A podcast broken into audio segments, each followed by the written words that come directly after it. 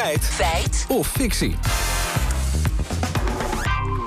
En die gaat deze week, Lammert, over, we zeiden het al, keizersneden. Nou, niet, niet, de hele week hoor, alleen oh. vandaag. Uh, ik ja, stel de mensen even Deze gerust. Dag, ja. ja. want uh, dit weekend stond... je zou er wel een week over kunnen nou, praten liever niet, oh, liever okay. niet. Maar dit weekend stond in de NRC een artikel over evolutie. Een van de veranderingen die beschreven werd... is inderdaad de verandering rondom geboorte... mede veroorzaakt door de keizersnede.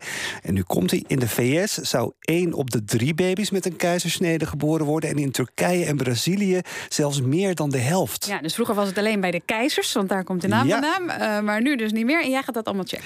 Klopt, om te beginnen bij Annemie Knap, hoogleraar verloskunde aan Radboud UMC. Want waarom kiest men nou eigenlijk voor een keizersnede? Als het kind in nood is uh, en, en er moet heel snel uh, moet het geboren worden, dan is de keizersnee uh, op, op sommige momenten in een bevalling is dat dan de beste optie. Uh, of als er bijvoorbeeld een stuitligging is en het is niet te verwachten dat je, dat je van die stuit uh, gemakkelijk vaginaal gaat bevallen, dan kan het ook goed zijn om voor een keizersnee te kiezen. Maar er zijn ook nadelen. Wat zijn die? Ja, dat weet uh, Anna Sijmonsbergen, onderzoeker bij de afdeling verloskundige wetenschap van Amsterdam UMC. Naast de gebruikelijke risico's bij een operatie zijn dat de volgende. Dat vrouwen bijvoorbeeld een mondinfectie kunnen krijgen, of dat ze een zogenaamde niche krijgen. Daar wordt ook veel onderzoek naar gedaan in Nederland. En die vrouwen die houden dus pijn daarvan. En dat kan het leven lang kan dat aanhouden. En dus blijvende pijn in de buik. Ja, maar ze verliezen ook vaker bloed of krijgen een ernstige compilatie waardoor ze op de IC terechtkomen.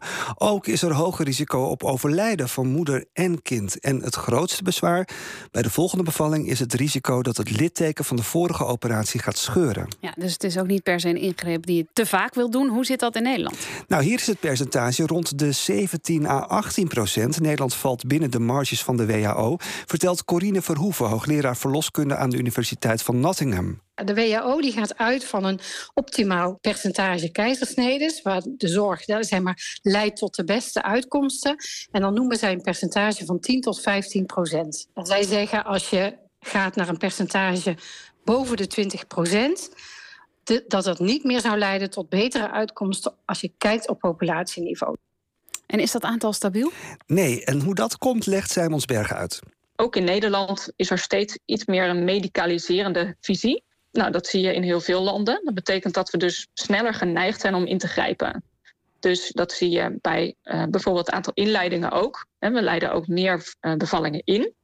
Um, en dat stijgt ook heel, uh, dat stijgt wel heel erg hard, ook in Nederland. En dus dat laat zien dat de visie steeds iets meer is van je moet eigenlijk sneller ingrijpen. Dat is beter dan af te wachten. Ja, en daarnaast is het zo dat als iemand een keer een keizersnede heeft gehad, de kans groter is dat daarna weer een keizersnede nodig is. Ja, zo blijft het aantal dus oplopen. En dan even terug naar die uitspraak, want hoe zit het in Turkije, Brazilië en de Verenigde Staten? Ja, nou, die cijfers die hebben we terug kunnen vinden bij de WHO. En ze blijken te kloppen. In Turkije en Brazilië is het dus echt meer dan de helft. En in de VS rond een derde. Ver boven het WHO-cijfer daar, hoe komt dat dan? Ja, dat is erg lastig om te zeggen, zegt Nap. Dat kan te maken hebben met het verzoek van de patiënt. Dat mensen zeggen, van, ik wil liever niet vaginaal bevallen, ik heb een voorkeur voor een keizersnee. Kan ook te maken hebben met hoe de claimcultuur in een, uh, in een land is. Hè. Dat, dat mensen eerder geneigd zijn om, uh, als er bij een uh, vaginale bevalling iets misgaat, om dan naar een tuchtrechter bijvoorbeeld te stappen of naar een rechter om geld te kunnen krijgen. En ik denk dat het er ook mee te maken heeft dat we in Nederland heel veel tijd stoppen in het mensen voorlichten over wat de voordelen van een keizersnee zijn, maar ook wat de nadelen van een keizersnee zijn. Ja, en er zijn nog veel meer redenen. Het is moeilijk om er één verklaring op te, op te plakken dus. Oké, okay, Lammert. Feit of fictie, kloppen de genoemde aantallen in NRC dan? Ja, zeker. Het aantal keizersneden met 50% in Brazilië en Turkije en met een derde in de VS, die uh, kloppen. Dat is een feit.